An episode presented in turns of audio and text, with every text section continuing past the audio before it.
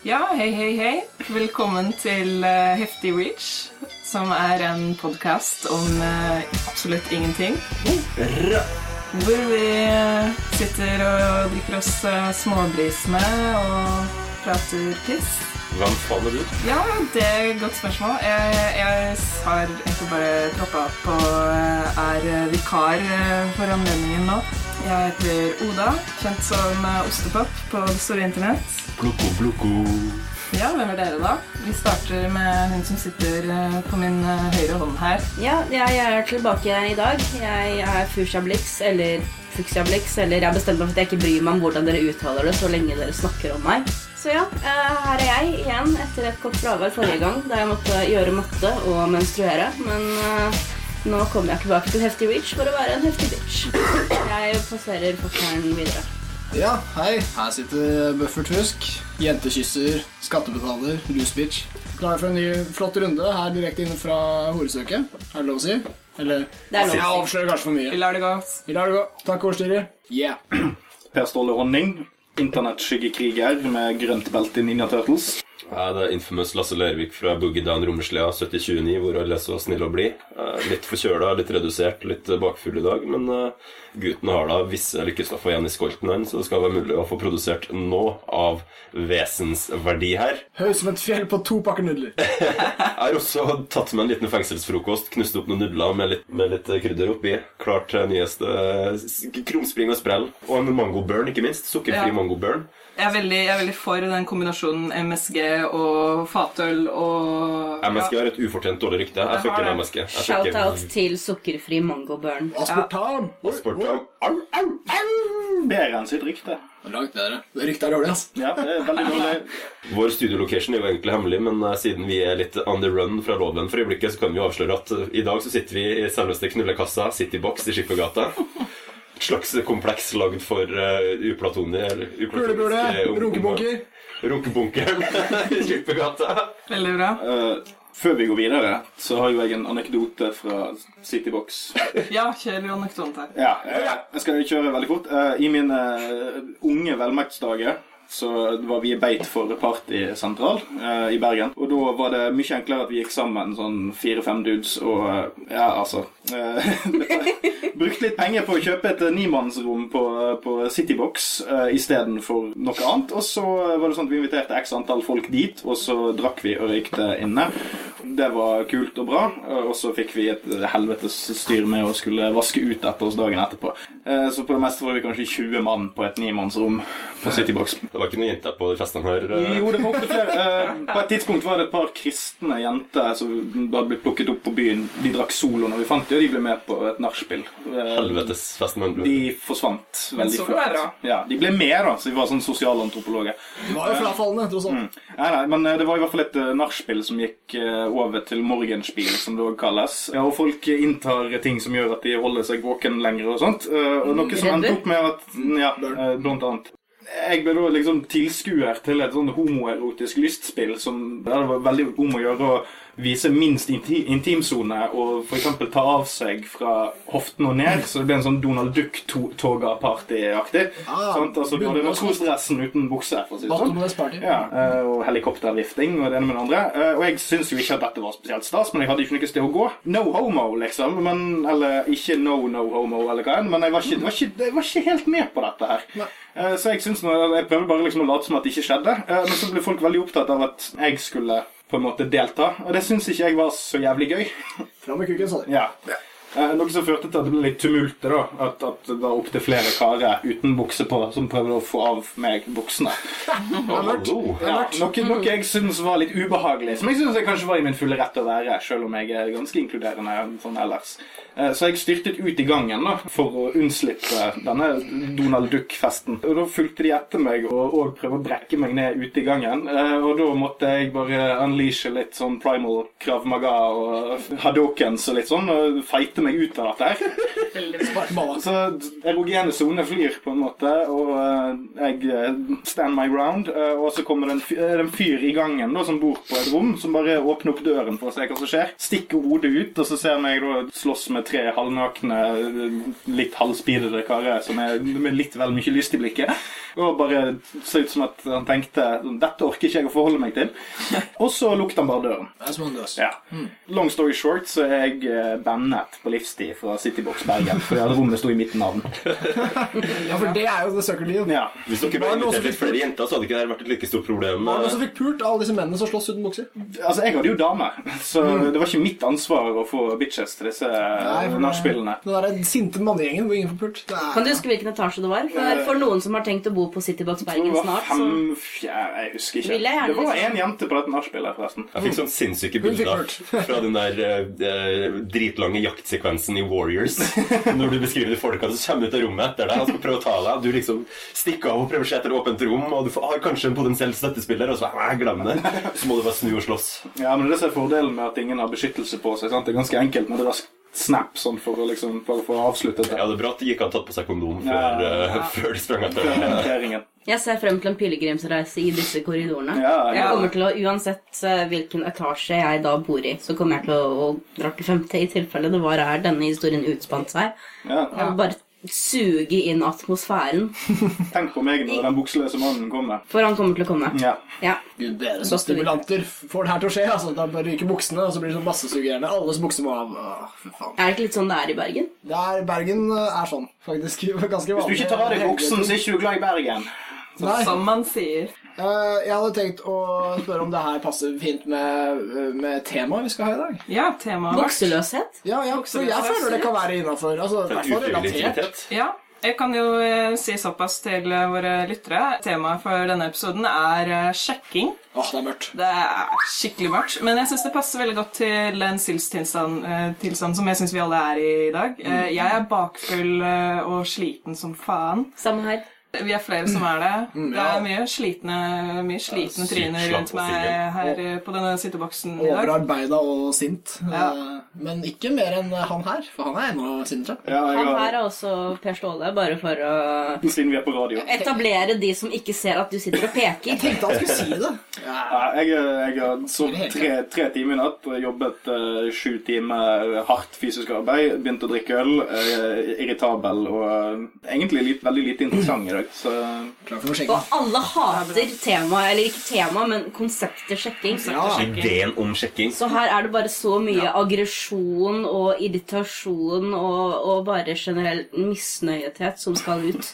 Ja. Så dette her blir kosetimen med heftig reach. Hva er, hva er ditt uh, forhold til, uh, til sjekking? Uh, mitt forhold til sjekking er jo Ja, altså, jeg er jo den jeg, jeg, jeg, vil, jeg vil klassifisere meg selv som den mest single i rommet. Selv om jeg ikke er den eneste single i rommet, så er jeg den som er konstant singel. Uten å gå inn på sånne enkelte folk, så er det jo veldig mange som er i etablerte forhold her. og, og sånne ting. Så jeg er kanskje på en måte best egnet til å, å åpne litt om det her med sjekking, samtidig som jeg er den dårligste i verden til å snakke om det her med sjekking, siden jeg bare tar så fullstendig avstand fra det konvensjonelle sjekkemiljøet som det overhodet er mulig. Ja. Jeg er jo bare rett og slett skrudd sammen sånn at jeg f.eks. ikke klarer å finne noen tiltrekkende med mindre jeg kjenner dem først. Og det utelukker jo på en måte den tradisjonelle sjekkingen hvor du kanskje møter noen på byen eller på Tinder og, og bare starter en samtale med dem. Ja, ja, her, her har jeg spørsmål. Eh, jeg, jeg har eh, vært, i, har vært singel på lenge. Siden før Tinder kom, og den slags, så jeg har ikke deltatt på dette. her. Men jeg hørte altså, jeg hadde kvinner før Tinder. Ja, en av de gubbene der, jeg. Men, men altså, eh, her om dagen, jeg hørte du hadde gitt Tinderen liksom delegert til noen andre. Og, og ja, Kan ikke du Ja. fortelle om det? Fordi Det, syns jeg er en spennende idé, fordi man, man blir stuck i liksom bobler når man skal sjekke. Og alt mulig Og så gir du da Tinderen din til en annen person, og så kan det være din wingman, f.eks. Ja, altså Det er veldig interessant for meg å da, eh, eh, observere hvordan det man kan kalle normale mennesker da, bruker Tinder. For jeg pleier bare å sitte og venstresveipe alle til jeg kanskje ser noen jeg kjenner og tenker Haha, du er på Tinder. Sårbar! Eh, så, så jeg gjorde det. Jeg lot jo da andre avgjøre hvorvidt jeg skulle sveipe noen til venstre, som betyr nei takk, eller sveipe noen til høyre, som betyr eh, ok. Og så visste jeg heller ikke hvordan man skal åpne en samtale, så jeg bare spurte da de i rommet hva skal jeg skrive, og da svarer jo vedkommende har du hørt om vg.no? og her har jo Buffert noen betraktninger om det her med åpningslinjer, at du her da starter på en veldig nøytral grunn, er vel kanskje det du um, Det var, jeg var jo jævlig fan av den, da. Jeg var, det, er, det er så nøytralt og fint, ikke sant? Fordi det skal Hva er et bra sjekketriks? Det er vel spørsmålet her. Altså, er det, er det på en måte å, å steppe inn i arenaen og liksom vise her er en eh, heftig spiller? Her er uh, dominans, Uh, interesse skal vekkes, alt mulig? Eller er det bare å begynne en samtale? For du kan ikke bare begynne å snakke ut i lufta. Så du må ha en slags inngang. Svaret jeg fikk, var jo veldig, veldig syrlig, for der var, det noen som åpenbart forventet at jeg var ute etter å latterliggjøre dem, uavhengig av hva de svarte. Ja, sårbar. Ja, definitivt sårbar, og, og litt eh, on the edge, og, og litt sånn. Så jeg vil ikke kalle det en stor hit i akkurat det tilfellet her. Men jeg synes hele ideen om icebreakers er utrolig. Det, det, uansett hvor dårlig icebreakeren er, med mindre det er noen sånn her manipulativ eh, bokdouche, the game-sosiopat-ting, så er det liksom, man må liksom ha en slags respekt for det uansett. For jeg merker selv at jeg er veldig sånn sosialt uvøren. Jeg tror aldri jeg noen gang på byen for eksempel, har gått opp til ei dame og så bare introdusert meg sjøl. Det er utrolig unaturlig for meg. Så all den tid folk liksom er bedre menn enn meg på hvert fall dem å bruke icebreakers, så greier jeg ikke å hate fullstendig på det. Men jeg syns kanskje det finnes atskillig råere icebreakers enn å spørre om du har lest eh, Norges største nettsted. Det gjør kanskje det, men nøytrale icebreakers er fortsatt eh, ganske rå. da. Det er det. Ja. Bare på Mækkern og legge an på dama i kassa. og Sånn, har dere hamburgere her?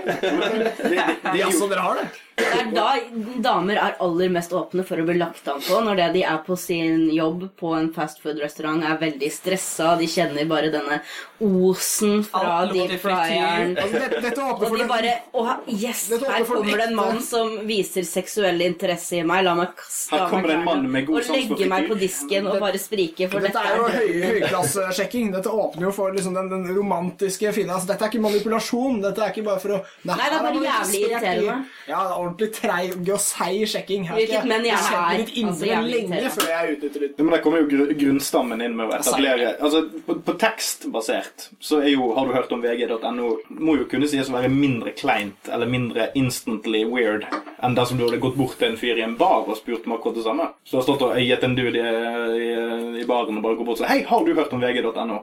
Eller for, for å bare gjøre det enda mer ekstremt. jeg Har du hørt om youporn.com? Altså, Men i en bar så ville man i hvert fall Da ser man trynet til vedkommende. Jeg ville smilt, kanskje. Ja, det er mye hyggelig. Ja, altså Hvis noen kom bort og spurte om jeg hadde hørt om vg.no, så ville jeg tenkt ja vel, det var jo også en, det var jo også en åpning. Men det hadde, vi, hadde jo, vi hadde jo antageligvis eh, fått praten i gang, tenker jeg. Mm, Ja, ja. Ja, for han går ikke rett på sak, sant? Det Nei, altså Det er ikke den derre pule? spørsmålstegn. ja. Jeg, jeg liker at det er manipulasjonsfritt. Eller noe. Det er det jeg setter pris på. Men det er jo òg manipulasjon. da. Det er, Ja, ja, men det er mer abstrakt, da. Noe Det er jo det største avbre to, to, Det totalt største avbre med sjekking som konsept generelt. Nå hytter jeg med neven. Jeg gestikulerer mer enn jeg pleier å gjøre. Veldig bra. Jeg er jo det der, hele den der liksom, den sosiale konvensjonen med at man skal liksom være en blanding mellom intens og interessert, og absolutt ikke interessert å gi rom. Og det er en sånn der sånn merkelig sånn der marekattdans man må liksom utøve med den andre for å finne en slags balanse. Og hvis du, det er helt jævlig, og hvis du trår over en grense, så kan det være helt ødelagt. Fordi man har sett i sesong 3, episode 4 av Sex og singelliv at du skal ikke tolerere en fyr som liker deg veldig godt. Så du må liksom Du må, du må gå rundt grøten så ekstremt, da. Det er jeg veldig litt begeistra for. Kick it, Børståle. Jeg og Buffett har en eh, felles kompis som eh, prøver å bruke Tinder som eh, en arena. Og han er tidenes største kjernekar. Eh, Jeg ville, alle damene snur seg etter han på gaten. Ja. Han er en utrolig catch. Jeg ville anbefalt alle våre kvinnelige lyttere til å gå og sjekke han ut, hvis det ikke var for at jeg og Buffett er pseudonyme på internett, og eh, at han må lide for det. Det må aldri Eh, Men han prøvde seg jo på Tinder en stund, og sånn, han prøvde skikkelig når han hadde signet seg opp. Og da var det sånn, ok, han fikk match med x antall kvinnfolk. Og da var det sånn, ok, han hadde prøvd å prøvd liksom matche liksom opp med ok, at det var personer som var ute etter å få et forhold, at det var sånn sånn Ok, hans interesse overlappet. Han prøvde å gjøre det skikkelig. Og da var det sånn Ok, han skulle bare prøve å ikke lage noe mas med det, eller noe sånt, men han bare sånn tok opp chatten og sånn Hei, hei. Litt sånn frem og tilbake. Og så sa han Skal vi møtes en dag og ta en kaffe? Det sa han ganske fort, da, men ikke sånn at det var jævlig pushy. Og da fikk han ikke noe svar veldig fort. Og jeg som aldri har vært på Tinder og knapt vet hva det er for noe, bortsett fra konseptet, syns jo det er litt dårlig gjort at Eller dårlig gjort, det er jo ikke sånn at noen, noen bør ta ansvar her, men det, litt, det sier litt om konseptet sjekking at du ikke kan engang foreslå ganske fort at 'Å ja, jeg liker deg på utseendet, du liker meg på utseendet, vi har samme interesse'. At du ikke da kan foreslå å møtes et eller annet offentlig sted og ta en kaffe, uten at det skal være liksom sånn 'Nei, uff, det blir for, pushy'. Jeg liker- Jeg, jeg jeg blir manipulert mer. Jeg liker at du sier offentlig som om det er en sånn der pass på så du ikke blir voldtatt. Sitt på et sted med mange folk, helst i lobbyen på en politistasjon. Ja. Jo, men det er jo det. Det er jo å møte fremmede på Har du i det hele tatt prøvd å være kvinne, Lasse? Jeg har faktisk veldig mange lucid dreams om å være kvinne. Props for et godt forslag til trygt sted å møte nye karer. Kvinnelige venner, og de kjenner deg og vet du er sympatisk. Nei, jeg er overhodet ikke sympatisk, men eh, de kjenner meg, i hvert fall. Men Ikke- ikke voldelig. litt tilbake til det Oda sa om uh, f.eks. den VG-replikken mot pule spørsmålstegn. Eh, og det med pule spørsmålstegn, men også noe litt uh, det som Per Ståle er inne på, det å bare, bare være litt rett frem. For det er jo litt av det jeg misliker mest med sjekking, er at du er enormt lite rett frem. Og jeg orker ikke å, å leke masse sånne leker med det trygg avstand og spille litt og sånne ting. 1001, 1002, 1003 Ja, det er så ufattelig dumt. Men det er klart at det med pule spørsmålstegn, det er jo gjerne for frempå, og i en gitt situasjon nesten litt trakasserende. Eh, samtidig som jeg virkelig vil slå et slag for mer autentisitet i sjekking. Det, er, jo- Altså, en det, det fungerer jo garantert. Ikke sant? Sånn I en av jeg vet ikke, eh, 60 tilfeller eller sånn, så er det noen som bare Ja takk. Eh, Ja. ja, men ikke sant? Og fett for dem. Men alle de andre, så er det sånn der, Å, gud, nå har vi en sånn en igjen. Altså, Ja. Jeg har ikke vært på Tinder sjøl. Du kan ikke si ja takk. Nei, men, men Nei, ikke takk. Nei, men for mye med takk. altså ja. Men altså Nei, Da virker du for interessert. Alle- Ja, ta da må du bremse. Alle vet om gamblen som er involvert i så fall. Det blir jo båndskrape. Du, du blir jo sånn der, du ender jo opp med en eller annen douchebag som gjør det på en helt fucka måte, og som overhodet ikke er som deg. i det hele tatt. Men eh, hvis det er alt du trenger you know? altså, Noen ganger er vi på bånd, noen ganger skal vi skrape bånd, andre ganger er vi kanskje litt høyere.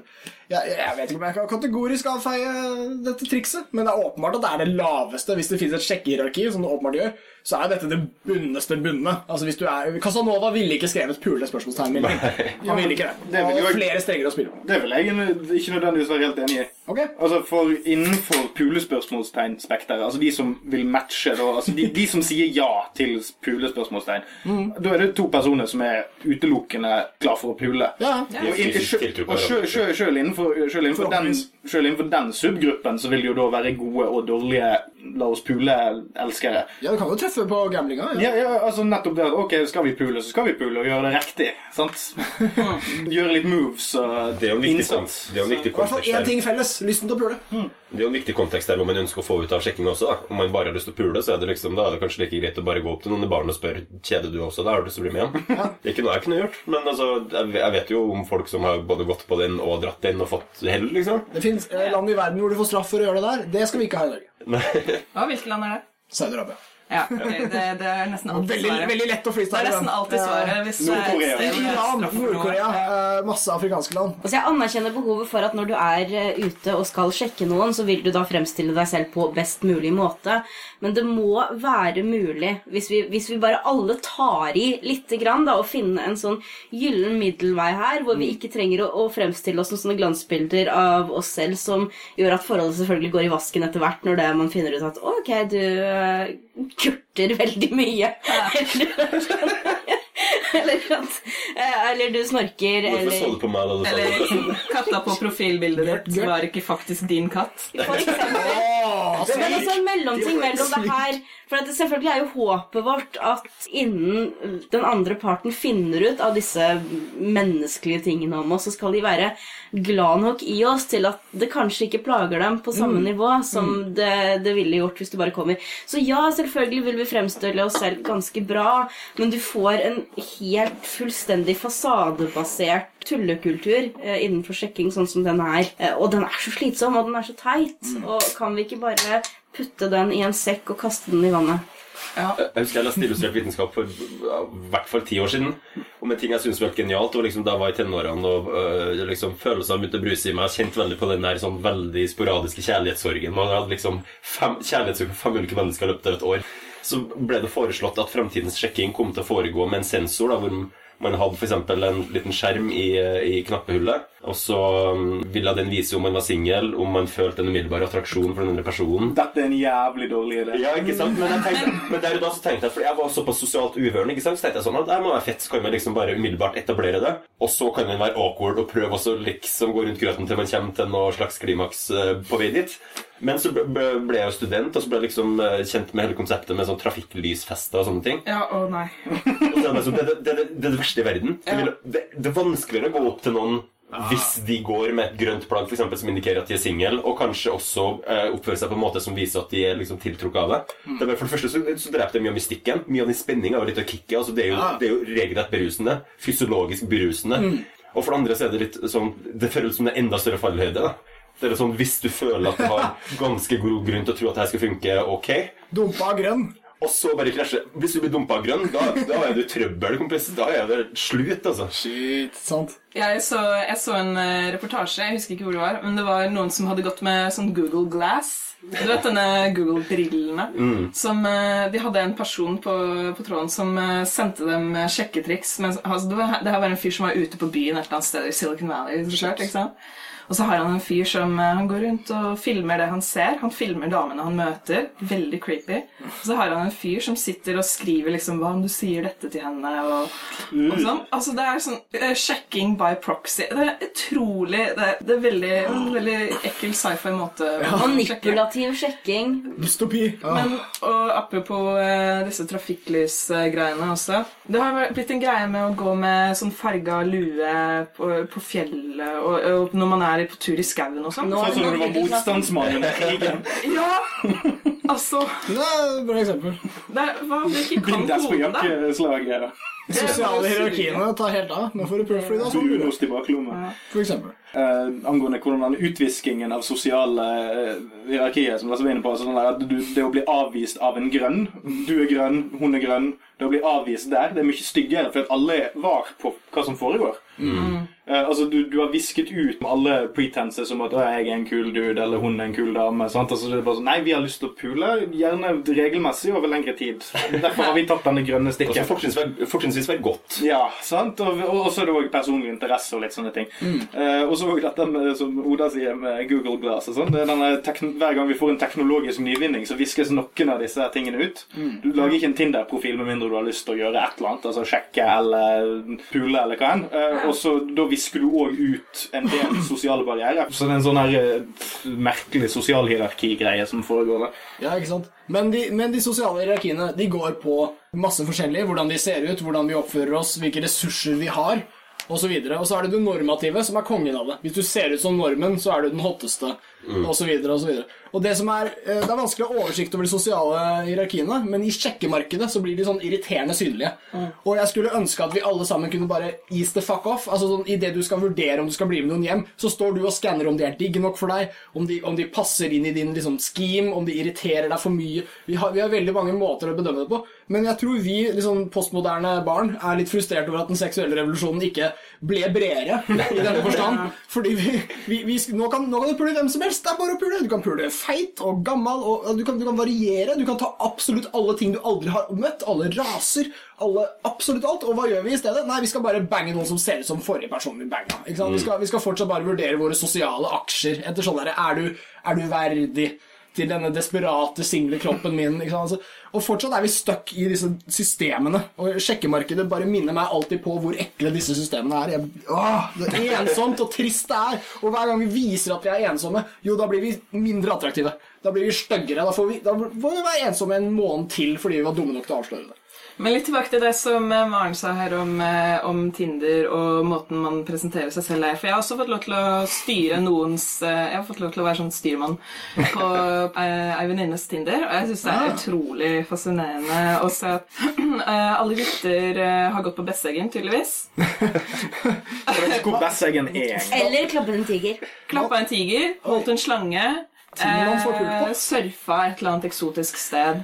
Og så skriver de høyden sin. De skriver høyden det, Høyden sin. og hvis du ser et litt lavere tall, så å ja, off, De har søren meg skrevet pen, eh, penislengden sin også. Ja, men Og så, men, Men stole hva er det jenter gjør Altså, hva er det jenter gjør på sine Tinder-bilder? Jeg tror det er viktig for bras. Det, det, Jeg tror jenter er veldig opptatt av å uh, vise at de har uh, utfyllende sosiale liv. Mm. At de har mange venner. At de på en måte er uh, livsglade eh, på et eller annet vis. Mm. Tror jeg er, nå, nå, nå sitter jo ikke jeg og surfer, så jeg ser ikke helt hva jenter driver med på Tinder. Sitter ikke jeg og er livsglad? Nei, livsglad er jeg definitivt ikke. Det har ingen anklaget meg for noensinne. Men, men overlapper ikke dette litt Bare, bare ut ifra de to tingene vi har hørt her nå om mannlige og kvinnelige Tinder-profiler, overlapper ikke dette litt grann med tradisjonelle kjønnsrollemønstre? Jo. Ja, og da, om en høy mann med stor pikk som er Ja. ute og seiler, Trosser trosser elementene og Ja. Klapper en slange som ikke er sin egen. og alt mulig. Spørsmålet er jo om det menn oppfører eh, høyden sin i sin Tinder-profil fordi det er noe de selv forventer at kvinner er opptatt av, eller om kvinner Ja, faktisk er opptatt av det. Altså, Ja, ja. Som, som en over gjennomsnittlig høy mann så merker jeg veldig ofte at det har vært fokus på hvor høy jeg er blant de jeg har vært med. Eh, Enten det er liksom seksuelt eller det er Men det betyr ikke nødvendigvis at de ville utelukket noen som Nei, er det trenger ikke å være et bærende poeng. Men det liksom, jeg, jeg syns nesten det er litt rart hvis jeg får høre av jenter at det er flott at du er så høy. Fordi hva faen har det med min personlighet eller hva men høy, jeg, om jeg føle meg objektivisert eller noe sånt. Men det, det er jo et stilig eksempel at det er noen sirkel. Det er jo lenge siden vi, vi fant en slags logisk grunn til at høy er bedre. Altså, Han har oversikt, eller noe sånt. Altså, hvorfor, hvorfor Han er ikke så høy? Det er ganske lenge siden det var en sånn viktig ting. ikke sant? Men, Ja, men men så det har det blitt fordi- værende fordi vi av en eller annen grunn konkurrerer oss imellom. ikke sant? Så i en guttegjeng, når du ser deg rundt, høyde er en faktor. Dette har med klimaendringer å gjøre. Du vil ha et høyt sted å kunne klatre opp når flommen kommer. Snart vil høyde være viktigere enn noensinne. Ja, men bare sånn kjapt om eh, høyde blant kvinnfolk. Eh, Jeg kjenner noen eh, kvinnfolk som er høyere enn meg, og som er single, og da får jeg høre litt sånn rare ting om nettopp det å finne seg en høy, mørk mann, som tydeligvis er veldig viktig. For, Bønne Amazonene med det. Ja, ja. Men uh, der er det sånn at i Norge i dag så får man faktisk fremdeles tilbud. Jeg vet ikke når de her årskontrollene er, men du blir målt på høyden så sånn fjerde klasse og sjuende klasse og sånn. Eh, jenter i dag får fremdeles tilbud om uh, høydedempende Ja. tilskudd. Hormoner, ja. Ja. Som demper det. Ja, Som er med på å forsterke det negative. Da, for at da gjør du at det er færre høye kvinner i Norge, og da gjør du det til en mer unormal ting å være høy dame. Og da blir det også viktig for en høy, altså Det er ikke viktig for korte damer nødvendigvis at menn er korte heller, for det er jo bare bra, og det kan godt være sånn en høy. Men det å være en høy dame og føle at uh, de truer korte mannfolk og en del sånne ting, det er en sånn issue som kan dukke opp. Så det er en sånn, dette er en litt sånn selvforsterkende negativ prosess som går med Ja, høyde. da. det er det det er. Det er det er. Vi er stuck. Men det, altså, det er ikke noe jeg er stolt over på noe som helst vis, men uh, jeg var på en pressetur uh, i, Stockholm, i, Stockholm, deg. i Stockholm for noen år tilbake, hvor jeg møtte en kollega fra et annet norsk medie. Eh, og hun er ganske høy for, til vanlig. Jeg er rundt 1,90, da, står det i passet mitt i hvert fall. Og hun er kanskje et, et par 80, så hadde ekstremt høye hæler. Så da vi var der, så var hun minst like høy som om ikke høyere. Og det var rett og slett altså Det er fullstendig refleksivt, ingen overbevisninger har, men rett og slett ubehagelig å være ved siden av en kvinne som er høyere enn meg. Det føltes som om det var en slags sånn dominansting. Det var en sånn overhengende, rar følelse. Og det var utrolig merkelig, og det var veldig rart å ha den rare følelsen. det er litt sånn Altså, som, som en relativt høy kvinne Jeg er ikke, jeg er ikke så Altså, jeg er 1,77. Og en av mine favorittmåter å etablere dominans, min yndlingshobby forresten, det er jo å ta på meg høye hæler og stelle meg inntil sånn litt lave menn. Det har jeg vært med på flere ganger. Når det, altså, visste det. jeg er jo jeg, Hun har bevitnet det her. ja, Altså. jeg er jo veldig lav, men altså, jeg har jo sett uh, Oda med overlegg flere ganger bare stille seg litt sånn inntil. Men Jeg prøvde det på Snorre Valen. Ja, det var det, ja, det husker jeg. Da var jeg med deg. Men eh, det funka ikke fordi han var ganske høy, faktisk. Ja. Det er, det er en overraskende sterk faktor. Eh, Høyde hos menn. Det er sånn, vi liker ikke å være sårbare og shit, men den Men sånn er så sentral. Altså. Refleksivt så snur du på noe av de viktigste faktorene i menns selvbilde og liksom sosiale posisjon. Altså den fysiske overlegenheten. Ja. Det er jo der utrolig mye av våre impulser og liksom instinkter kommer fra generelt. Ja. Jeg føler Odas historie om, er en bra historie om at kvinner vet om vår sårbare høydegreie. Og, og, Vi vet generelt om deres sårbarhet. Vi vet svært godt om den. Jeg, jeg, har, jeg har sårbare. anekdote som beviser at damer også kan være bros på høyde. Eh, Jeg var og fornyet passet mitt. Gjennomsnittshøyden på menn i Norge er rundt 1,80. Er ikke kvinnelige bros, er ikke de bare bras? Ja, det, det- hun var min bra, hun som Ja. satt i den kassa her. Altså. Fordi jeg kommer dit, og så har jeg passet mitt, der står det at jeg er 1,80 høy. Og det er, det er hyggelig at passet overdriver litt, fordi det er sånn 1,78 eller noe sånt. Jeg- jeg- Min erfaring er at nesten alle har overdrevne pass. Ja, pass, pass. Norge lyver opp. Koselig stat. Flott stat vi lever i. De spør deg bare når du får passutstedet. Og, og så setter jeg meg Det er det som skjer. Jeg setter meg på passkontrollen nå, ikke sant? og så, så sier hun 'ja, hvor høy er du?' Og så ser jeg det står 1,80 i passet. Og så sitter jeg ved en sånn måler idet jeg liksom sier det, og hun er sånn sånn 'ja, det står det, ja'. Og så er jeg litt sånn 'ja, ja, men altså Vi kan jo bare fortsette med det, kan vi ikke?' Og så sier hun 'vet du jeg tror vi bare fortsetter med det'. Og så får jeg en litt sånn fra hun i kassa. Og det er så bra. Det var min bro bra uh, som, som holdt på løgnen. Jeg, jeg kan helle mer mot 77 enn 70 1,77 enn 1,78, altså. men ikke ifølge staten. Vi er, vi, vi er på en felles scam. Men apropos dette med at vi kjenner svakhetene og etablerer dominans osv. Hva med den der ekstremt eh, creepy typen sjekking, den veldig manipulerende typen sjekking som disse pickup-artistene står for? Sånn Den har jeg litt lyst til å snakke om, Skal vi anerkjenne begrepet pickup artistry? På artistry, altså, hva Ja, men sier la, la kvinnene i rommet definere dette, da. For det er jo de som blir mest utsatt for dette, vil jeg anta. Tror dere, ja? Ja, altså, Jeg har ikke blitt plukket opp av en fyr som har Var det neg- negging? negget Har du aldri blitt negget? Var det negging? Jeg vet ikke. Altså, det er jo sjekking satt i system av kanskje mennesker som ikke helt er klar over hvordan menneskelig interaksjon egentlig fungerer, men som har et veldig klart bilde i, i hodet sitt. Og dette har jo da blitt en kultur, eh, rett og slett, hvor mange tjener seg søkkrike på bøker og, og lignende det er kurs, hvor de da skal lære andre menn å sjekke, og selvfølgelig er dette på måter som er eh, De forsterker definitivt eh, eksisterende kjønnsroller, men på en veldig sånn creepy måte, hvor du skal etablere dominans da ved f.eks. han som da gjorde seg kjent ved at eh, det første han gjorde når han møtte en kvinne han var tiltrukket til, var å ta kvelertak på henne, for det skal liksom vekke interessen hennes og, og lignende. Vekke Ja. interessen for peppersprayen. i- For å Det kan overleve. man Jeg er argumentere interessert i å overleve, tenkte hun. Men selv så regner de seg selv da som sjekkekonger. Men dette er jo folk som mest sannsynlig prøver jævlig mye. Og jeg lurer på hvis du hadde tatt vitenskapelig metode på disse her eh, The Game-folkene. For The Game var egentlig skrevet av en journalist som skulle prøve å Ja. gjøre det objektivt. Han, dek, han dekka jo bare miljøet. Det er Ja. Strauss, han som har skrevet biografien om Metal Crew, liksom. Ja, ja. Men, men eh, ut, ifra disse pickup artists-folkene som for eksempel går for kvelertak og sånn, de omgås jo kvinnfolk hele tiden. Sjøl en hel myriade som ikke er interessert. Så hvis du prøver den kvelergreia så hvis du gjør det 100 ganger, så er det jo en eller annen person som tenner på det. Så bare det at de ikke tenker over hvor mange forferdelige hit and burns de får i løpet av sjekkekarrieren sin, så er jo dette bare en sånn confirmation bias-sirkel som eh, snurrer og går. Altså, Kjerneproblemet med det, og det kan man liksom eksternalisere etter sjekking generelt også, er jo at jeg tror de aller fleste menn Jeg kan ikke snakke på vegne av kvinner, det kan godt være det samme der også. har en, dårlig en selvtillit som er så dårlig at den ikke står i samsvar med liksom, din salgbarhet i et slags uh, sjekkemarked i det hele tatt. Da. Så det er så fort du bare liksom får et insentiv og kan ta initiativ til å være og snakke med andre mennesker, så er du kanskje ikke så stygg eller så tjukk, eller bryr ikke folk seg så mye om hva du måtte tro din fullstendig frastøtende skavank er for noe. da. Så det liksom, Selvsagt kan vi snakke om at det her er en sånn hagleteknikk med the game, hvor man liksom bare, hvis du spør 150 damer, selvsagt er det en rønda gæren bonita som har lyst til å knulle deg, liksom.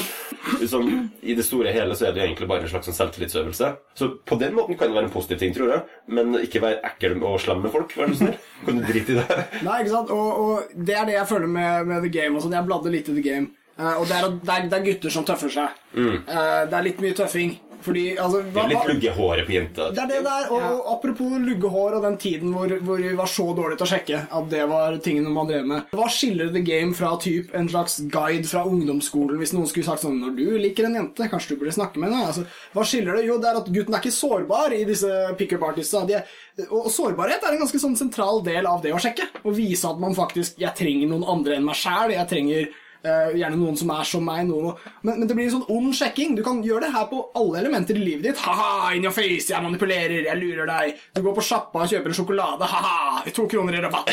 Face. Men hvis du liksom har sex med noen, så har du lurt dem. Ha-ha, jeg visste det, jeg skulle lure deg i seng. Ha-ha. Altså, du er helt ensom i hele verden, og, og det her kan, det kan være dritfett hvis one night stand får deg til å føle deg levende igjen. Mm. men hvis du skal finne noen å dele livet med, så er det drittips.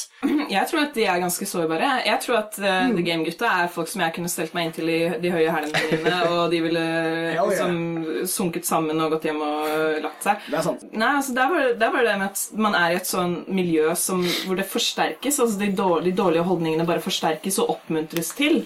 Som er selvfølgelig ekstremt uh, usunt. Og man har, eh, man har disse metodene som går ut på liksom, ja, all slags negging og gi oppmerksomhet til venninna hennes i stedet for henne, så vil hun bli misunnelig. også. ikke sant, Alle de her tingene som bare er helt Ja. eh, bananas. Skal du bange jenter eller jente? Skal du bange kollektivet eller én spesifikk person? Minst fire av gangen. Nei, men uh, jeg syns det er veldig interessant eh, det Buffert sa om uh, liksom, hvordan det er et kollektivt system. og sånn. Jeg tror Det blir, det har blitt veldig vanlig og populært, og det er gammelt for lengst, å liksom gjøre narr av hele den The Game og pickup artist-bevegelsen og hele den greia. men jeg tror det har vært til deres favør at det har blitt bare en sånn stor, grå, ubestemmelig masse av masse folk som gjør dølle ting. Fordi det gjør det litt mer uangripelig, og det, det, det gir det et abstraksjonsnivå da, som gjør at det er ikke like farlig lenger. For du kan lene deg på et system eller en, dine egne liksom, svakheter og dine egne eh, tanker om utilstrekkelighet. Så det blir litt sånn Ok, det her funka ikke. Det er litt som å, å tippe trav etter eh, VGs system. ikke sant? Ja, Sånn, ja. jeg er ikke spillegal, fordi det her burde jeg ha de beste mulige prognosene for å vinne. Det er en kollektivisering. Ja? Drittoppførsel. Ja, ikke sant? Du blir bare, det, det er bare Du konformerer til et system ikke sant? som gir deg sjøl mindre risiko. Da hadde jeg det enda med. Så det er sånn antifeministisk strukturalisme. For Ja. å pense det inn på noe vi overhodet ikke har snakket om eh, før vi begynte å spille inn. Veldig mange av disse pickup-dudesene, de som eh, liker veldig godt eh, disse pickup artist-teknikkene, har jo òg en tendens til å være svorne antifeminister. Ok? Ja, men de er det. De, de er det. altså Jeg mener det er stort overlapp der. For med, med feminisme som et globalt fenomen, i hvert fall egentlig bare i prinsippet at kvinnfolk har uh, lik At plass folk er mennesker. Ja, Ja, At de får eie ting og sånn. Ja. Lik plass i universet vi kaller menneskeheten. Mye av denne pickup artist-universet sentrerer seg rundt at kvinnfolk skal domineres, eller du skal, gjøre, du du skal sette deg i et system. Sant? For systemet er rigget mot deg på et eller annet slags vis. Mm. Systemet er der sånn for at du ikke skal få fitte. På et eller annet vis. Altså, jeg har en kuk, og den skal brukes, og systemet er rigget sånn at jeg ikke skal få bruke kuken min skikkelig. Ja, Eh, så fuck og- systemet. Så fuck systemet. Eh, men de er veldig imot feministisk strukturalisme, som går ut på at systemet er rigget mot kvinnene, fordi at menn har dominert verdenshistorien og rigget spillet for sin egen interesse. Så det er en veldig stor sånn dissonans i det bildet der av hvordan vaginalstaten hindrer deg i å få fitte, men du anerkjenner ikke at feminisme eh, har et poeng med at det er strukturalistisk der heller. Nei, strukturer og kulturer finnes bare i den grad de krenker meg Ja. og mine interesser. Jeg er vel oppdager dem egentlig- aldri før det. Akkurat der, der så jeg systemet. Ja, ja, vi hadde et lite avbrudd her etter en mindre skandale her på Citybox, eller Runkebunkeren. som Hulebua. vi kjenner den som. Hulebua. Men vi er tilbake. Er det noen her som har blitt negget, eller snakka vi om det? Bare ta det en kjapp ting, og så kan vi ta det tilbake igjen. Ja, vi må snakke om negging og pigghogging og hele, Ja, hele sorry, ja. Men jo, det jeg skulle si var eh, Feminisme har litt sånn harde kår i sjekkingen. Vi var inne på temaet. Eh, feminisme er uavklart i samfunnet hva det egentlig betyr. Eh, så, så for sjekkemarkedet, der alle tross alt, vi har det felles at alle puler, så alle idioter deltar på sjekkemarkedet, eh, vet ikke hva feminisme egentlig er for noe. Og mye av premisseproblemet for oss postmoderne nisser er jo det at eh, er, det, er feminisme sånn som mange på nettet tror, tilsynelatende, at kvinner har alltid vært fri, men nå har de begynt å klage noe jævlig i det siste? De har begynt å bitche jævlig mye? Eller er det sånn som eh, teoretikerne snakker om på Blindern, og der det går veldig mange kvinner om dagen? At, at kvinner pleide egentlig å ikke være annet enn objekter. Mm. De pleide faktisk å ikke få lov å eie ting. Eh, De kunne bli voldtatt fordi det var mennenes feil at de lot kvinnen sin bli voldtatt. Og sånne ting. Hvis det premisset hadde vært klart etablert, så hadde det vært lettere å forstå for menn på markedet hvorfor kvinner oppfører seg som de gjør. Men i stedet så kan feminisme ofte stå litt sånn i veien, sånn de blir sånn her eh, Jeg skal faen ikke la disse kjerringene Oppfører seg som de gjør. Jeg vet ikke hva, hva, Hva? ligger i det. Ja. Kvinner oppfører seg som de gjør. Nei, det er jo ikke kvinner som vi har snakket om. Å, nei, ja, ja. Menn oppfører seg som de gjør. Ja, ja, menn, ja. Og ja, menn, alle får sjekke markedet hvis de kunne litt om feminisme. Ja, ja. Nå er ikke det her et fantastisk originalt poeng, men eh, det er veldig komisk hvordan menn i alle år har sutra over den dynamikken som foregår i sjekking, hvor man må være instigatoren, man må liksom være katalysatoren for at det skal skje noe. Ja. Og så begynner man å få en ny bølge nå eh, som selvsagt strekker seg tilbake i mange tiår, over kvinner som er mer selvstendige, og som tar en mer eh, dominant rolle, og som også tar initiativ og snakker med menn. Ja, Og da er er det beste plutselig som har skjedd. sånn, og da er det plutselig litt sånn Ja, men i helvete du driver på med det du nå? Skal du sitte her og snakke om mensen og sånn? Liksom? De er frigjorte og puler gratis, og de, altså, det er det beste som har skjedd. Ja, altså, Går du på p-piller uten at du er i forhold? Hva som feiler deg i røy? Ikke sant? Det Ikke sant? Men- Utakknemlig, eller? Men det, det er en ganske morsom, observasjon synes jeg med Tinder, hvordan det særlig har blitt en mer sånn uh, selgersmarked for kvinner. Fordi der har man ikke den samme måten å møtes på som man tradisjonelt ville gjort fysisk. Så derfor hvert fall jeg inntrykk av, Nå har ikke jeg vært på Tinder mer enn som wingman, som flere rommet har. Men uh, jeg får mer inntrykk av at der kan jenter være litt mer selektiv. Uten at man er nødvendigvis nødt til å være veldig høflig eller eh, liksom avvisende på en indirekte måte. Selvfølgelig er det likevel menn som reagerer på, på dette, og hvor utrolig urettferdig det er at det er kvinnene her sitter med den erotiske kapitalen Ja, og kan eh, velge å Men så du ikke 19,9 i profilen min? Det betyr kukstørrelsen min. Størrelsen på mitt uh, mongolnem som jeg har lyst til å stikke i deg. Men en ting med feminisme er at jeg har merka at jeg har flere mannlige venner som syns det er Altså, De er selverklærte mannlige feminister og alle de gode greiene der. Og så syns de det er ekstremt ekstremt vanskelig å sjekke, fordi de er så livredd for å gjøre noe feil. Altså, sånn, det er en sånn PK-tvangstanke som bare er sånn derre jeg kan jo ikke snakke med jenter. Hva hvis jeg sier Hva hvis jeg bruker feil begrep? Hva- ah, det, er sånn- det, altså, det blir veldig vanskelig. Så jeg vet ikke, på noen måter så er det veldig greit å få det ned på den der basale greia. Sånn der, nei, men La oss holde det enkelt, eller noe. Jeg, ser, du, jeg er interessert i deg, også, bare Jeg vet ikke. Pulespørsmålstegn. Tilbake dit. Ja, ja, Ja, nei. jeg mener det. Jeg er enig. Det, det er veldig synd, men det er en overgangsfase, forhåpentligvis. Eh, før vi venner oss til hva feminismen faktisk har å by på.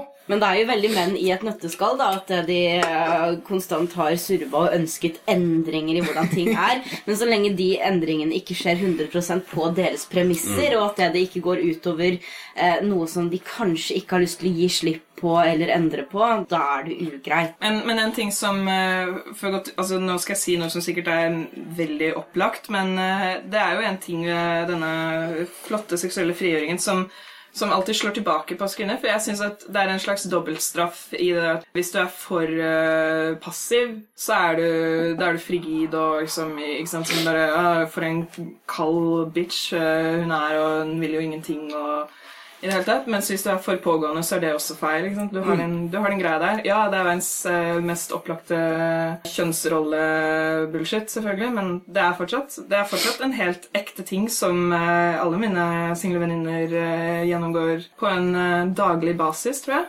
Ja, du har den der dualiteten, den der Madonna-hore-greia.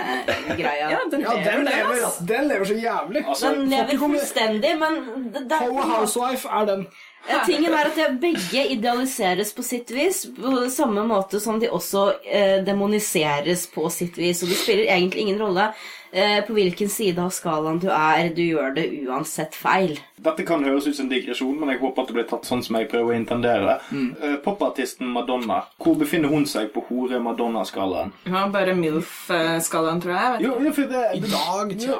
ja, for dette Ja. det, altså, Ikke at jeg er så jævlig mye på kjendisnettsteder, og sånn, men eh, jeg hører på eh, litt podkaster og litt sånn ulike ting som gjør at jeg har, jeg har hørt eh, Madonna bli omtalt som sånn for gammel. At, at Ja. nå er hun for gammel til å spille på sex, eller nå er hun for et eller annet sånt. Eh, og, og det er en ting du ikke i like stor grad hører om andre mannlige rockeartister som er omtrent like gammel eller ti år eldre enn Madonna. Det gjelder jo, det syns jeg i hvert fall gjelder veldig mye med mannlige skuespillere. og sånn, at eh, sånn der, ja, Når de blir eldre, så får de karakter. eller noe sånt, Mens uh, kvinnfolk er mer sånn der, Nei, nå er du sorry, nå er du avleggs, du har pika, du er ferdig. Helen Mirren er det eneste eksempelet jeg kom på fort som der det ikke har vært Det er vel ikke veldig lenge siden Maggie Gyllenhaal også gikk ut med at eh, hun uh, fikk beskjed om at hun var for gammel til å spille kjærlighetsinteressen til eh, en jevngammel eh, mannlig skuespiller. Det var noen, noen plansjer du kan finne på internett som der du viser Ja, der de med mannlige viser hvordan, hvordan menns alder har økt. Da. Jeg har tatt eh, en enkel skuespiller som f.eks.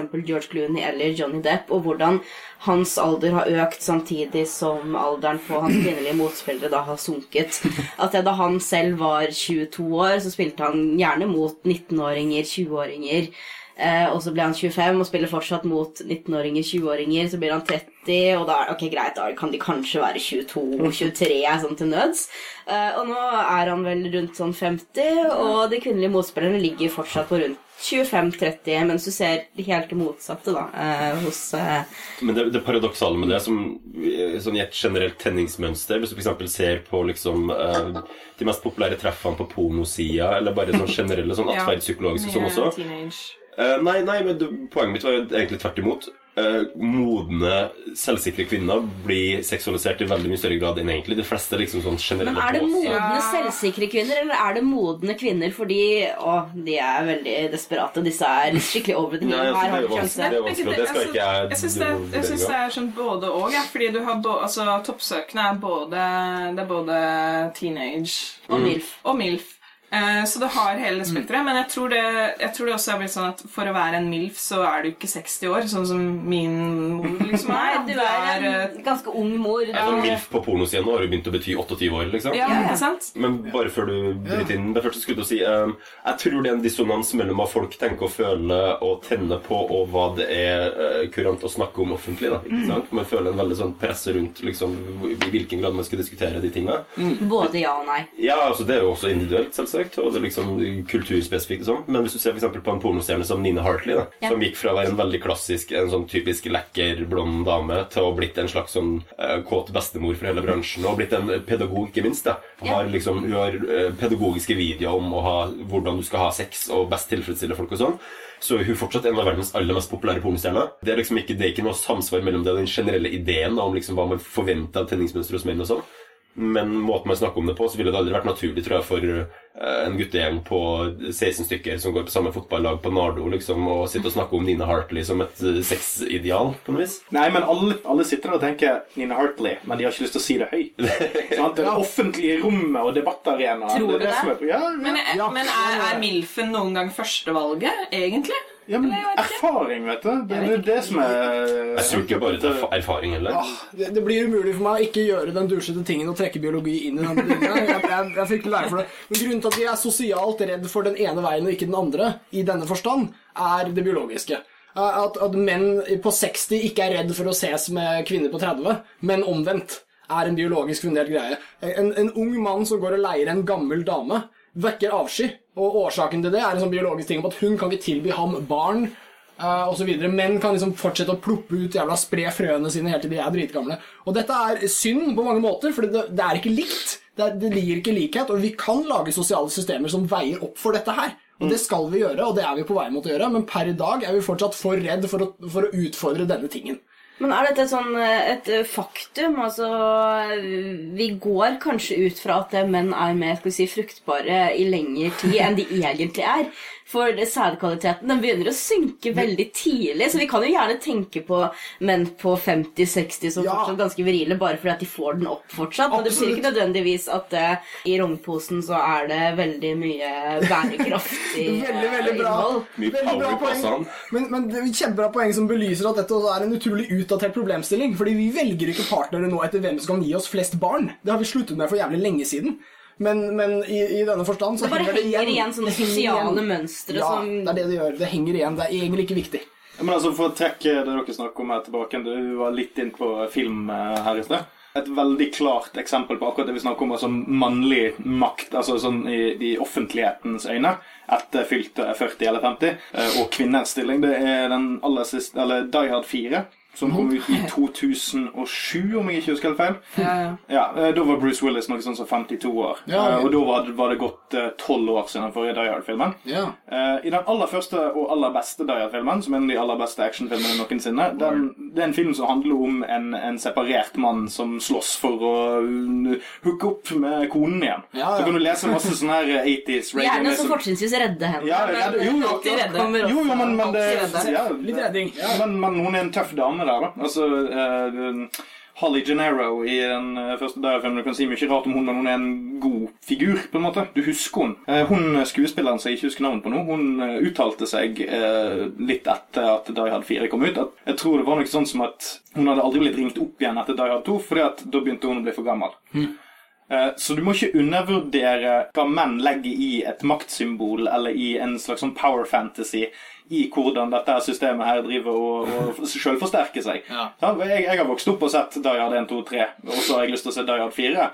For at, å ja, Bruce Willis har alltid vært en awesome action-dude, og jeg kan fortsatt se han være en awesome action-dude på 60, når han nærmer seg 60. Men å ja, å ja, det er masse markedsføringsfolk som sier sånn Ja, men, men da kan ikke Bruce Willis få en fem, seks, Altså, han kan ikke dra hjem til en 60 år gammel dame, da. For det er ikke kult. Og det, det er noe med hvordan menn Men kan vi gjøre det kult? Altså, Hvor Ja, mye ja, av altså, det her er sosialisering? Jeg, jeg, satt og leste det intervjuet. Jeg satt og tenkte sånn, Hvorfor i helvete kan ikke jeg sitte og se en film om en bestefar som drar hjem til bestemor etter at han har skutt trynet i fille på masse Så terrorister? hvor Hvorfor- digg er ikke Helen Mirren egentlig? Jeg vet at det er liksom veldig sånn Jeg vet at det er veldig sånn der go to-eksempel. Litt som at eh, alle bare Å, jeg elsker, elsker afrikanske menn. Jeg elsker Idris Elba. Det er liksom sånn go to-alibiet. Og Helen. Mirren er litt på en måte det samme måte for eldre kvinner, men Men Man veit hun rødhåret som har spilt i en del um, Faen, det er et sinnssykt bra lead på hva man mener for noen. Men også som er rundt sånn vi begynner å bli i hvert fall midten av 50. Julianne Moore. Julianne Ja, ja, Moore. ja, ja. Ikke sant? Også, som er så, og også har vært ganske seksualisert alle sine roller, men ikke på en, ikke på en sånn uh, fetisjmåte, liksom. Så mye som at hun er en, liksom, en eh, markant, selvsikker, pen dame. Selv om hun spilte MILF-pornostjerne i uh, Boogie Nights. Ja, det er Faktisk. For Og det er veldig lenge siden, og da var hun veldig ung. Så. Og Nina, Nei, hun var- Nina Hartley Relativt relativt ung. Kaboom! Som var link Full circle. Vi, vi kommer fra en arv hvor mat patriarken helt sånn åpenbart byttet ut med yngre modeller hele tiden. Ja. Uh, og vi, vi er i en tid hvor det på en måte ikke lenger er så kult som det var, eh, men hvor det fortsatt er kult, dessverre. Altså, eh, Om du tar Nina Hartley eller Jeg husker ikke navnet på det nå. Julianne Moore. Julianne Moore. altså Det er ikke dårlig å dra hjem til. Helen Mirren, Det er ikke dårlig å dra hjem til Helen Mirren og ha Helen Mirren som din partner og som din altså Alle ville gått med på det var ganske rått, men likevel så jubler vi når Putin bytter ut sin kone gjennom 30 år med en yngre modell. fordi Eller det er en- sånn sterk leder. ja. Eller, eller Brendan Rodgers, manageren for Liverpool, som faen meg gjorde det samme. Gikk ned 20 kilo i vekt og dumpa kjerringa. Eller 30 Åge Steen. Dette, har jeg- lyst til å høre. det er sånn en leder gjør. Hva med Åge Glam Steen Nilsen? Ok, Slik jeg har ok. forstått det, så, så skilte jo han også seg fra sin kone gjennom veldig mange år for uh, sin nye store kjærlighet, en 17 år gammel jente. nei, ja, nei. Nå kan vi være kildekritiske her, så ikke si dem på det, men dette mener jeg å huske. La oss si at hun er 21, da. Ja. Come on, love is all around nei? Og dette ser vi jo veldig All ofte, men uh, du, ser, du ser sjelden omvendte. Mm. Men jeg, jeg har kompiser som har blitt sammen Kompiser rundt min alder, sånn rundt 26 år, som har blitt sammen med dama i 40-årene. Og Det blir utelukkende sett på som en taperting. Sånn uansett hvor pen eller snill eller intelligent eller Altså på alle tenkelige vis, eller de fleste tenkelige vis, så er de mer eh, sånn teoretisk attraktive enn mange jenter på samme alder. De er smartere, de er mer erfaren, de er mer belest, de er mer empatiske, de har bedre livserfaring. Ja. Men de blir bare sett på som en Ok, hun der sliter med å få seg en, Ja. En, Og plutselig er samfunnet freudiansk. ja. Det Utrolig jeg nok, når det egentlig burde være litt motsatt. Ok, hun her har faktisk så mye pussy power at hun bare kan finne right? seg Ja, en fem 25 år gammel uh, fuckmaskin. Men, men samtidig, hvis det er liksom en, en 40 år gammel uh, lektor ved universitetet uh, som driver og dater et par 20 år gammel dame, så er det litt sånn Ja, men han har visse liksom sånn udødelige kvaliteter som, som, som Han har gravitas og det, det, det transcenderer alderen. Det har ikke noe med det å si, i det hele tatt, fordi de er helt selvstendige kvaliteter. Ja. Akkurat angående det der med unge dudes og gamle damer, eller eldre damer, eller modne damer, om man vil.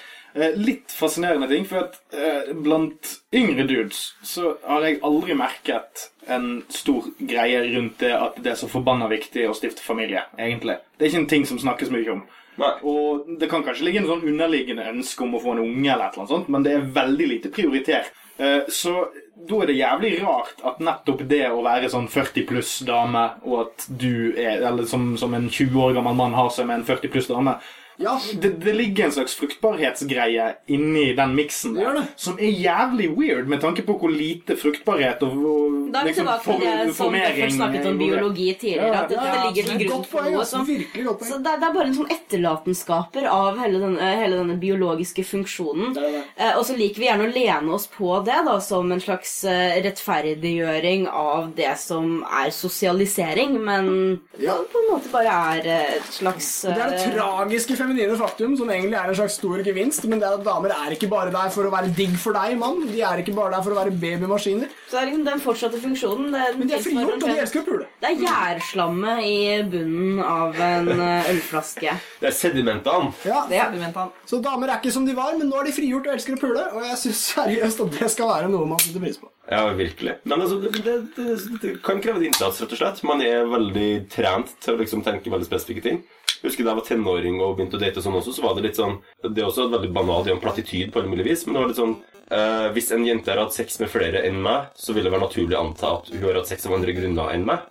Som i, nei, nei, men Ja, ja, ja, fordi, fordi hun er jo, da er jo hun billig, mens hvis en mann vil pule, så er jo det fordi han er mann. ja, ikke Min sex er nobel, og hennes er Ja, ja, ja, ikke sant? ja, ja. Det er jo den der eh, Definitivt. stygge keymaster Eller the master key eh, Men hvordan Ja, går den tilbake med blyantkvesseren? Blyantspisseren, det er Norge. Jeg husker ikke helt nøyaktig hvordan den går, men det er vel et eller annet om at uh, Jo mer du Nei, ja. Jo mer du kvesser en blyant, jo dårligere blir den, eller eh, Altså, ikke siter meg Jo på kortere blir den. Det passer jo ikke helt inn med penis. Det fins en annen som ligner. Jeg vet ikke om dere har hørt den. Hvis det fins en nøkkel som åpner alle låser, den her må dere ha hørt, Ja, den så er det en sykt bra nøkkel. Og hvis det er en lås som blir åpnet av alle nøkler, så er det en jævlig dårlig lås. Men det fins det, Og det, men finnes det en bygger på Ja, ideen det er om det vi snakker om. Det bygger på ideen om at mannlig kvinnelig seksualitet er grunnleggende forskjellig. Og det er vel egentlig problemet vi prøver å løse. Men, jeg- men, At det ikke også, nødvendigvis stemmer. men jeg tror også sånn i essensen så er det her eh, veldig biologisk. Altså, eh, Penishodet er jo laga for å potensielt drive ut sæd fra tidligere partnere. Yes, indeed. Teoretisk. Men eh, det hevdes at penis har den kileforma, altså penishodet har den kileformen for å kunne grave ut tidligere sæd og erstatte med sin egen. Og jeg tror også veldig mange av de impulsene her skyldes rett og slett at menn ønsker, om ikke monogami, så i hvert fall høyest mulig eh, sikkerhet om at man er den som viderefører ætten. Ja. Ikke sant? Og man vet at utrolig mange liksom, evolusjonære fortrinn menneskene har fått, går rett og slett bare ut på å videreføre. Så enn så lenge så er det eneste vi vet at meninga med livet for mennesker er, som fra et rent objektivt biologisk perspektiv, å skape nytt liv og videreføre liv. ikke sant? Så, man aldri prioriterer når vi snakker om disse tingene. her. Aldri. Nei, nei, ikke Det er sant? ikke Ikke kontekstualisert. sosialt. Ikke, ja, og ikke kulturelt. Eller? Nei, nei, Det er, akkurat. ikke, det er ikke en sånn Altså, Hvem er det vi glorifiserer når vi snakker om uh, familie og alt mulig crap? Jo, det er alltid mamma. sant? Mamma, mamma, mamma. Mor, Mother Russia, alt mulig sånt. Ja.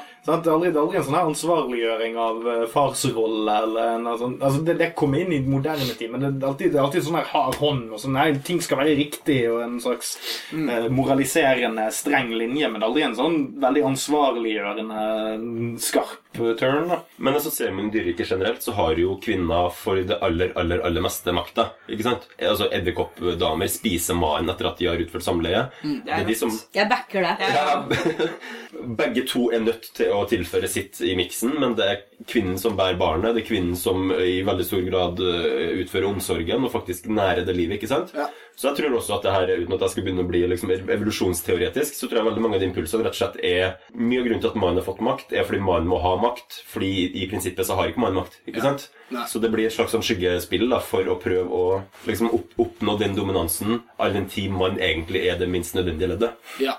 Ja, jeg, jeg, jeg må dra inn den der forbanna bonobo-apen, og jeg må være litt forsiktig Jeg må være litt forsiktig når jeg prøver å si at det her er liksom der mennesker kommer fra. Men vi har en felles slektning like nært DNA-profil som sjimpansen er.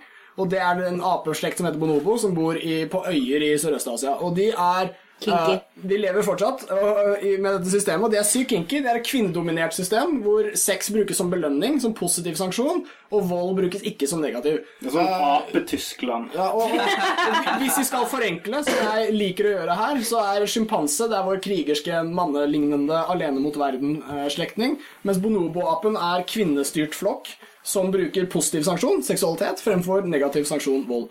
Og uh, det de gjør, er at de har sex også altså Hele flokken har sex, og barn også. Det, dette er jo en ting vi ikke liker, vi mennesker. Men uh, de har historier om bonobo-aper som har møttes, og så har mennene møttes først, og så har de begynt å starte opp med vold og krig, og så har kvinnene kommet og roet det ned og startet en orgie for, for, å, for å få ro i rekkene. Og så er det da hierarkiet hvem menn som har vært flinkest som får pult først, og som dermed har best sjanse for å få Altså, Dette med den der penisen som drar sperm ut av skjeden Den, den beste plausible forklaringa vi har, er at vi har formert oss ved gruppesex i lang, lang tid. Den arten som ble til oss, har holdt på med det. ikke få delta i denne mannlige biologiske orgien altfor lenge, da. Eh, bare for å gå inn på det du Buffert, Nå bare ruler, by the way. du Buffert og du Lasse har eh, snakket litt om nå, eh, angående eh, kvinnelig reproduksjonsmakt. Så bare for å oppsummere det litt sånn kjapt i forhold til patriarkalske strukturer og sånn, så er det jo ganske, det er ganske fellestrekk i alle patriarkalske samfunn der det handler om å kontrollere kvinnelig reproduksjon, eller kvinnelig seksualitet. Fordi det er eh, du, Alle vet hvem eh, barnets mor er, men det er alltid en viss usikkerhet rundt hvem barnets far er. Sant? Så, så, så derfor er farsrollen, eller giveren om du vil, eller hva faen du skal kalle det, alltid mer usikker. Ja, og der, Derfor blir det jævlig viktig å sørge for Å, datteren min er jomfru, og hun skal være jomfru når eh, hun gifter seg med han fyren som jeg syns er ok. Du er verdig nok til å putte pikken din i min datter. Altså Det blir masse masse creepy sosiale ordninger for liksom hvordan reproduksjon fungerer. Og det er fordi kvinnfolk sitter med alle kortene. Og nå har jeg snakket altfor lenge i forhold til hva jeg er komfortabel med. Så dette er en liten avsporing sånn med tanke på at eh, temaet generelt er sjekking, og at vi kanskje snart begynner å gå litt på overtid. Men det du er inne på nå, det der med å, du er god nok til å putte pikken i min datter og sånne ting Dette der eierskapet som fedre sosialt sett har over døtre, det er veldig, veldig creepy og bananas. Det er virkelig det. Og så hele den derre lede dattera si opp til alteret og gi henne bort Ja. i ekteskap. Dette er den nye mannlige eieren din. Fare thee well. Eh, Kanskje egentlig den nye vrien på det her blir å ha Tinder-bilder hvor man er avbildet med pappaen sin. Da.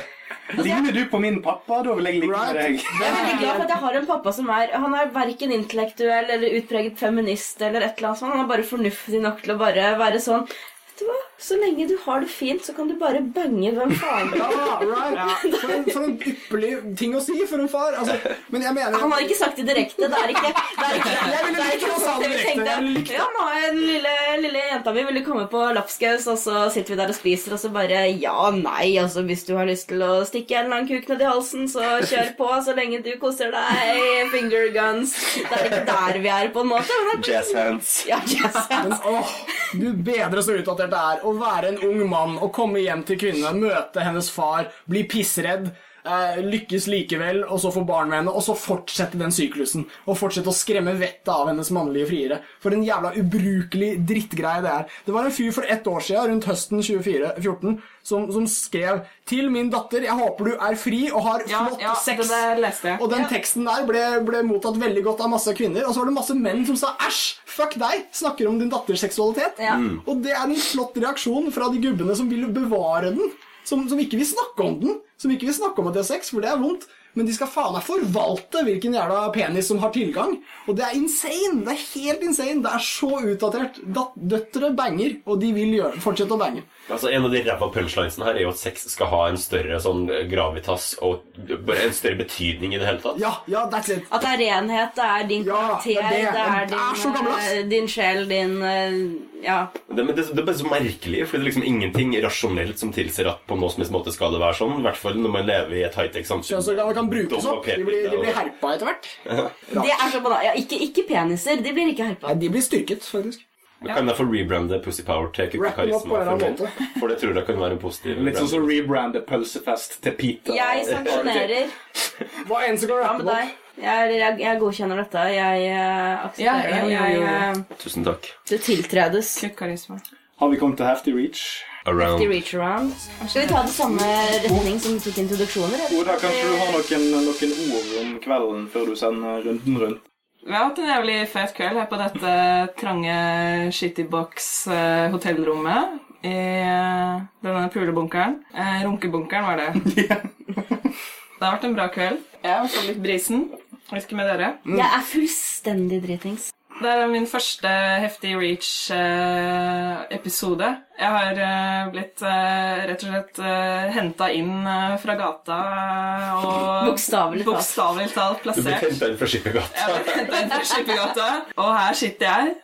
Snur noen kalde med vennene mine og syns at det her har blitt eh, litt av et eh, opplegg, altså. God helg. Det må jeg si. Skal vi ha en heftig reach around, dere? Det kan vi. Begynner vi med Lasse, eller begynner vi med Lasse. La oss begynne med Lasse.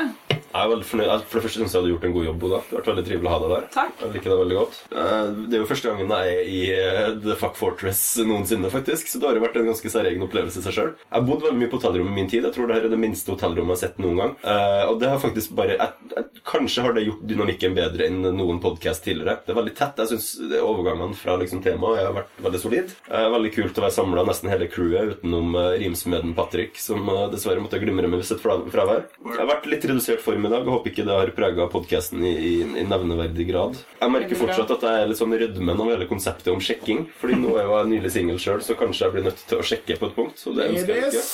Sjekk ut Lasse. Oh, yeah. Så ja, eh, det var godt å være litt utenfor komfortsonen for en gangs skyld og havne litt på dypt vann. Eh, Måtte hundesvømme litt for å komme seg til noe håndfast. Per Ståle, kick it. Eh, ja, uh, vanlig HTK-team her er jo uh, tusen takk til Oda, som har vært en flott erstatter. Skal, da skal vi kverke Patrick. Kort applaus først, på- bare ja. før vi Åh. Takk. Ja, det er jo kjekt å være tilbake igjen på Citybox. Jeg setter pris på at folk har beholdt buksene på. Det er Eller har vi det?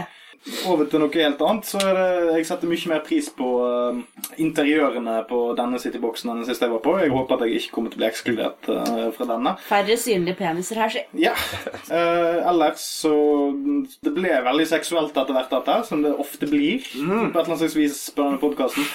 Men det er jo en naturlig forlengelse av sjekkeproblematikken er jo seksualitet, så jeg syns det egentlig har vært berettiget. Bøff. Ja, nei, jeg har kost meg, jeg. Jeg skulle ønske postmodernisme og feminisme var en bedre miks. Jeg skulle ønske språk klarte å formidle hva jeg egentlig mener om disse tinga i det hele tatt. Eh, men dæven, jeg har kost meg. Ja, nei, Jeg har også kost meg veldig mye. Eh, før jeg tar min virkelige return, så vil jeg bare stemme i med det Buffett sa. Eh, kvinner, sjekk ut Lasse. Jeg, eh, altså Som matriarken for Hedmarken så føler jeg på en måte jeg har en del etos her. Og, sånn hetser av fuckboys. Så jeg bare gir Lasse ti av ti.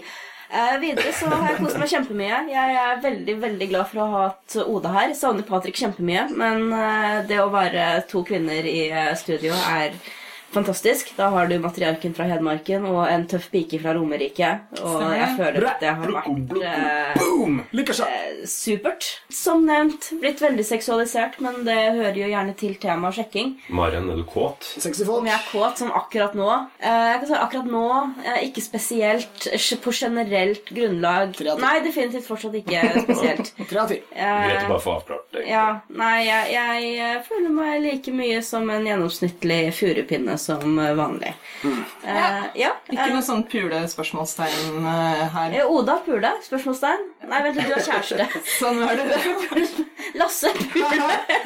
Nei, ikke kveld. Nei, ikke i kveld. Det, det er helt i orden. Sa hun og trakk et lettelsens sukk.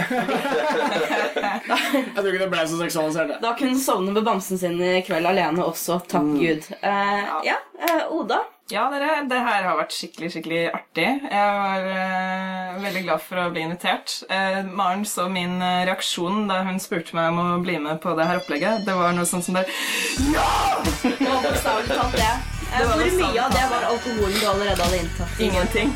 Nei, ok, ja, men det er bra. Jeg er litt sånn, jeg er litt sånn Mamma, eh, livet i hovedstaden går veldig bra.